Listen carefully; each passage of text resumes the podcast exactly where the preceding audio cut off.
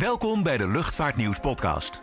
Je wekelijkse portie nieuws, updates en achtergronden over luchtvaart en zakenreizen.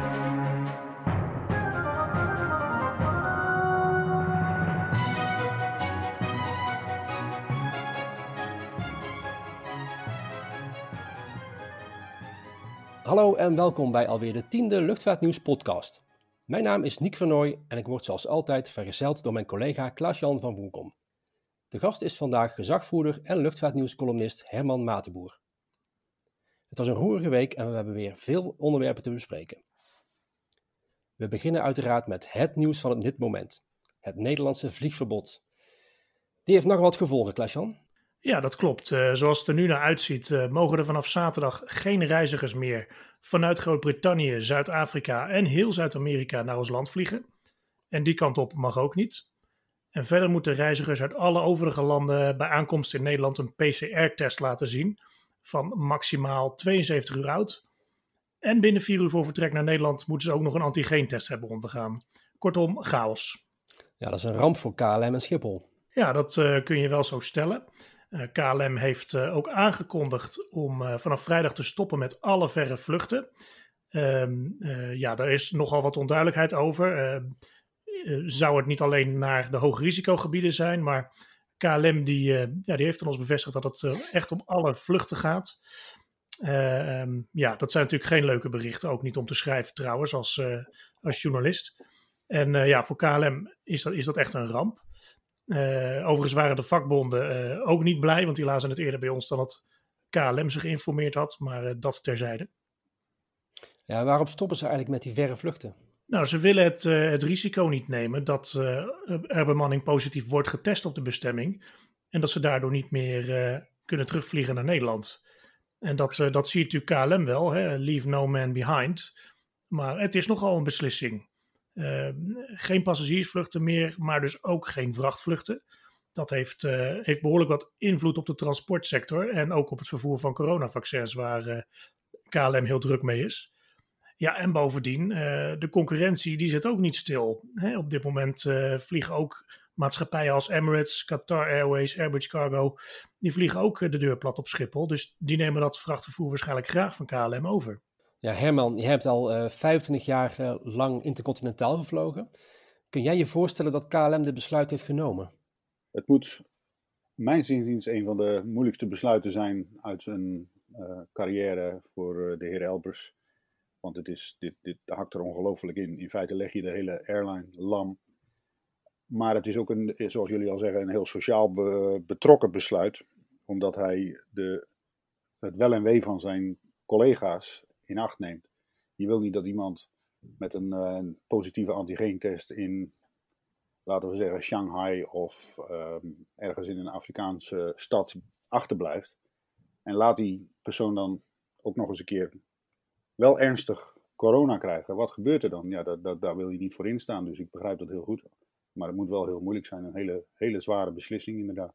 Ja, het is nog onduidelijk tot wanneer het opschorten van de verre vluchten uh, geldt. Uh, ingewijden, melden dat KLM achter de schermen lobbyt bij de overheid om een uitzondering te maken voor vliegend personeel. En daar wordt vandaag in de Tweede Kamer uh, verder over gesproken. Dus we houden u uiteraard op de hoogte daarvan. Goed, nu iets luchtigers. Aero Mexico. Een piloot van de Mexicaanse luchtvaartmaatschappij vroeg afgelopen weekend voor vertrek vanaf Schiphol doodleuk aan de luchtverkeersleiding of hij om half elf s'avonds een rondje over Amsterdam mocht vliegen. Voor wat sightseeing. Ja, dat klopt. Dat is een uh, opvallend verzoek. De piloot heeft waarschijnlijk gedacht, uh, wie niet waagt, die niet wint. Maar de vrouwelijke luchtverkeersleider van dienst, die uh, klonk heel verbaasd toen de piloot vroeg om Amsterdam even van boven te mogen bekijken. Omdat het, zoals hij zegt, zo dichtbij is. Uh, daar hebben we een geluidsfragmentje van, met dank aan uh, oplettende twitteraar EHEH e Spotters uit Eindhoven. Uh, luister maar. Tower, ground Aeromexico 026. Aeromexico 026, go ahead. Yes, miss. is there any chance that we can make a visual flight over Amsterdam at 4000? Fly over Amsterdam at 4000 feet, confirm, you want? Yeah, that's what we are requesting. Well, that's not possible, sir. It's not? No, it's not. You have to fly the SID. You could have one Zulu departure. Okay, well, I was thinking because it was New Year. Yes, but then the whole Amsterdam will wake up. Okay. Well, thanks anyway. Next time you have to visit Amsterdam when everything is open. I was thinking because it was New Year. Ja, heel bijzonder. Herman, als piloot, vind je dit nou een heel vreemd verzoek? Het is een opmerkelijk verzoek, ja. Het is, het is een, vanuit een vlieger oogpunt een, een, een onlogisch verzoek, want je staat aan het begin van een lange vlucht van een uur of 11, 12 naar je bestemming, Mexico-stad. Het vliegtuig is uh, afgeladen met brandstof de, voor die lange vlucht.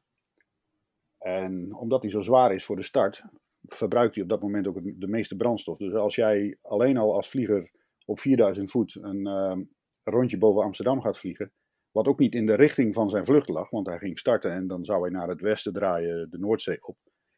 Hij, gaat dan, hij zou dan linksaf moeten en een uh, sightseeing toertje op 4000 voet over Amsterdam gaan maken. Ja, dan, op zo'n moment dan gaat de brandstof er hard door. En die brandstof die kan je later nog wel eens hard nodig hebben voor als je onderweg onverwacht weersfenomenen tegenkomt, zoals een lijn van onweerswolken waar je een heel eind moet omvliegen. Dan zou je heel graag willen dat je die brandstof nog had. Dus ja, ik vind het een beetje.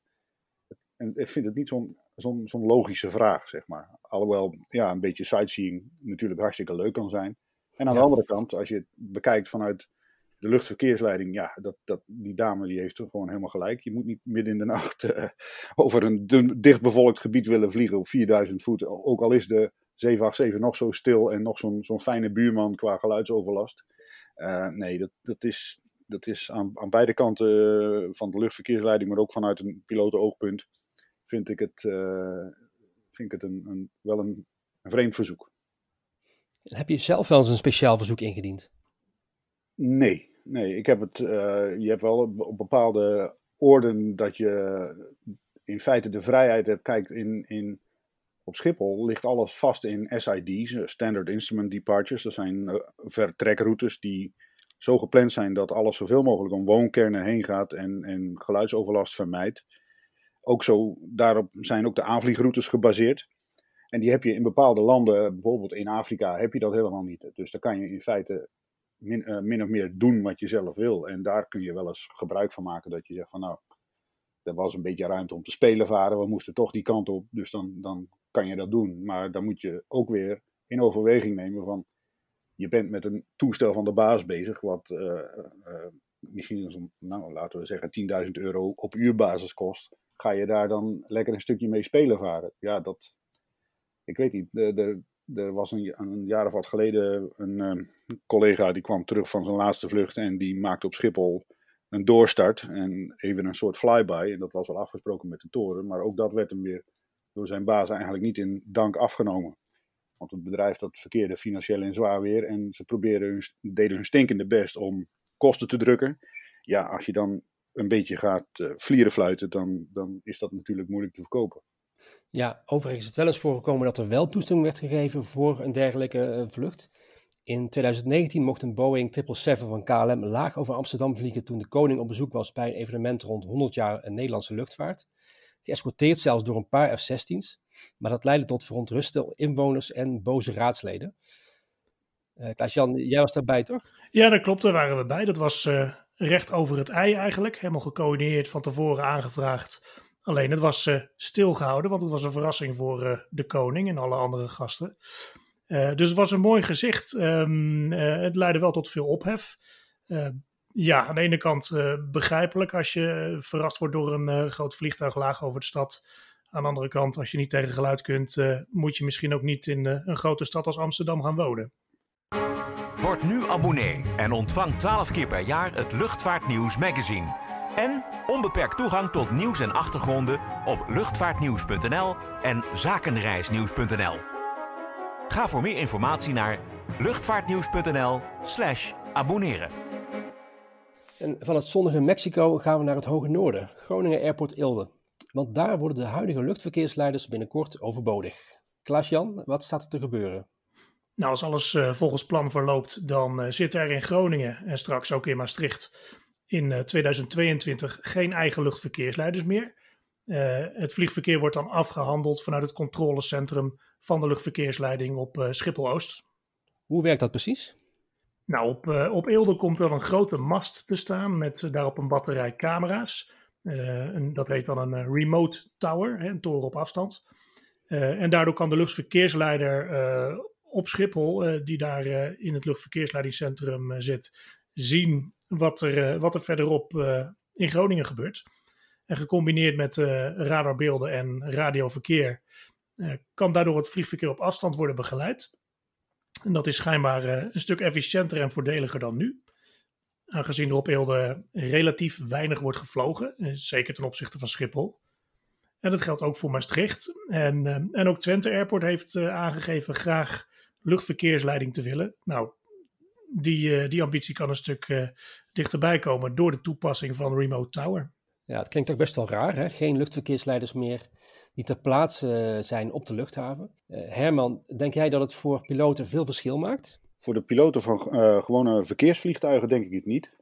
Zij horen een, nog steeds dezelfde stem over de radio die hun uh, de klaring geeft om te landen of om te gaan starten.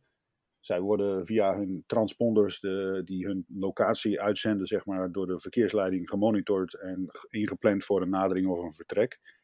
Maar ik heb er eens even over zitten nadenken. Wat, waar het wel, denk ik, een grote impact op gaat hebben, is, uh, zijn de, vliegscholen op Eelde. En dat is, Eelde is al sinds mensenheugenis de bakermat, de thuisfront van de KLS. En vroeger de Rijksluchtvaartschool, nu de KLM-luchtvaartschool.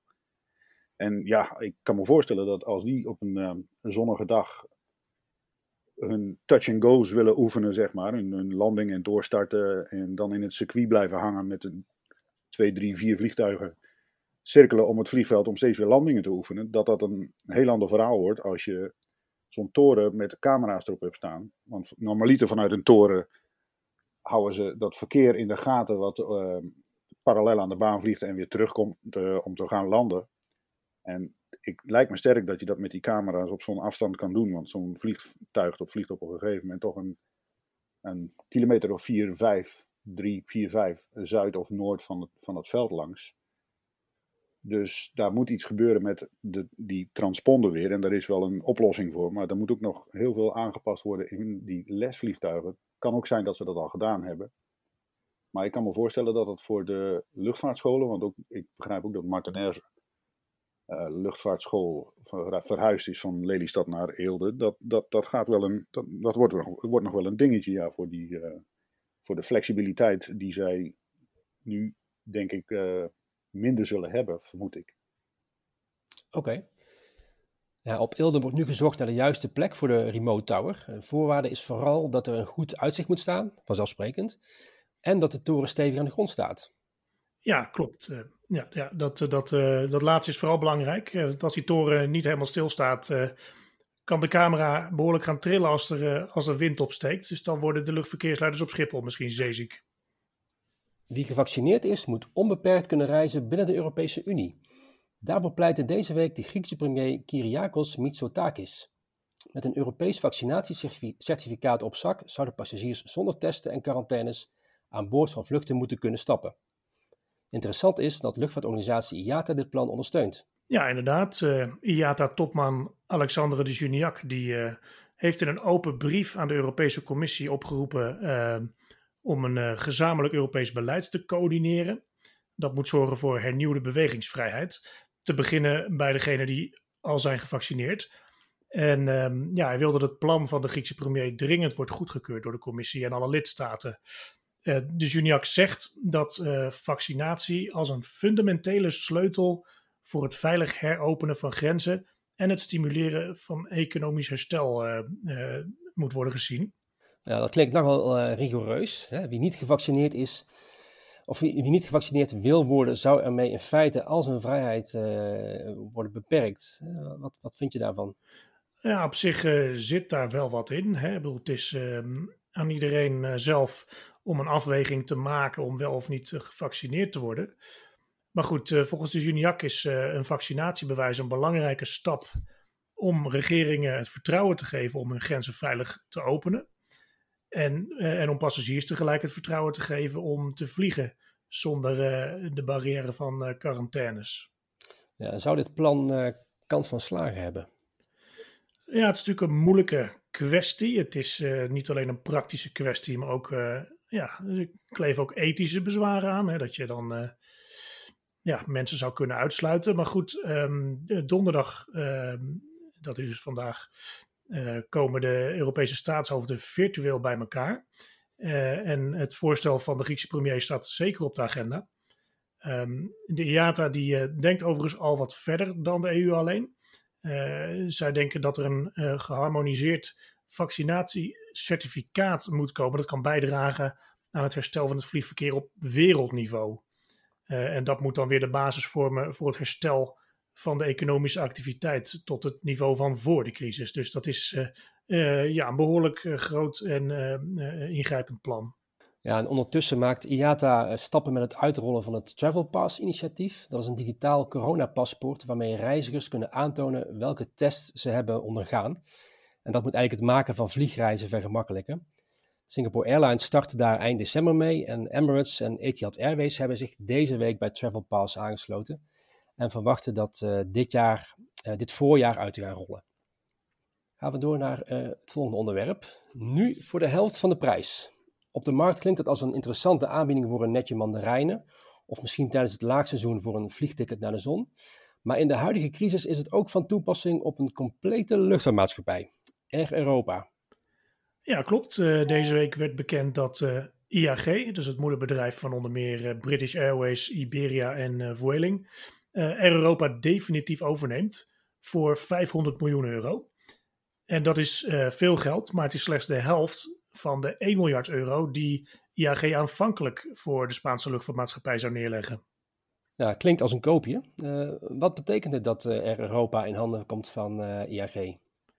Ja, als eerste natuurlijk is het ook wel even handig om in te gaan op het feit van waarom is het in één keer de helft goedkoper geworden ja, door de coronacrisis is gewoon de waarde van Europa achteruit gehold. Hè? Net als veel maatschappijen hebben ze ja, het financieel niet makkelijk. Dus ja, het is inderdaad een koopje voor IAG. Maar um, ja, het betekent voor die luchtvaartgroep dat, dat ze met Iberia, Vueling en Europa nu de grootste Spaanse internationale luchtvaartmaatschappijen die, die er zijn in handen hebben. Iberia is netwerkmaatschappij, Vueling een prijsvechter. En Europa doet voornamelijk vakantievluchten. Ja, die hebben ze nu allemaal in handen. Dus de, de positie op de Spaanse markt, uh, ja, het, wordt bijna monopolie. Dus het ligt ook voor de hand dat de Europese Commissie, die, die er nog goedkeuring aan moet geven, dat die eisen gaat stellen aan, aan de ruimte die er moet worden gemaakt voor meer concurrentie. Ja, en met deze stap verliezen SkyTeam en Air France KLM voet aan de grond in Spanje. Ja, klopt. Voor um, Air France KLM zijn de druiven best wel zuur. Uh, omdat ze volgens ingewijden ook in de race waren om Europa over te nemen. Air France KLM die vreest ook nu oneerlijke concurrentie op routes richting Latijns-Amerika, waar Iberia en Europa beide heel sterk zijn. En ook voor Air France KLM is dat een belangrijke markt. En ze werken ook op dit moment samen met Air Europa. En er was ook sprake van dat er een joint venture zou worden gevormd. Nou, die boot is ontzettend afgehouden. En ja, het ziet er nu naar uit dat die joint venture niet van de grond gaat komen. Nee, dat is een gelopen koers. Goed, dat was het voor deze week. Dank aan onze gast Herman Matenboer voor de interessante info. En dank aan u voor het luisteren. Zoals altijd, check het laatste nieuws op luchtvaartnieuws.nl. En vergeet u niet te abonneren op onze podcast. Tot de volgende keer. Bedankt voor het luisteren naar de Luchtvaartnieuws podcast. Voor opmerkingen, vragen of suggesties, mail ons redactie@luchtvaartnieuws.nl. Een fijne dag en graag tot de volgende podcast.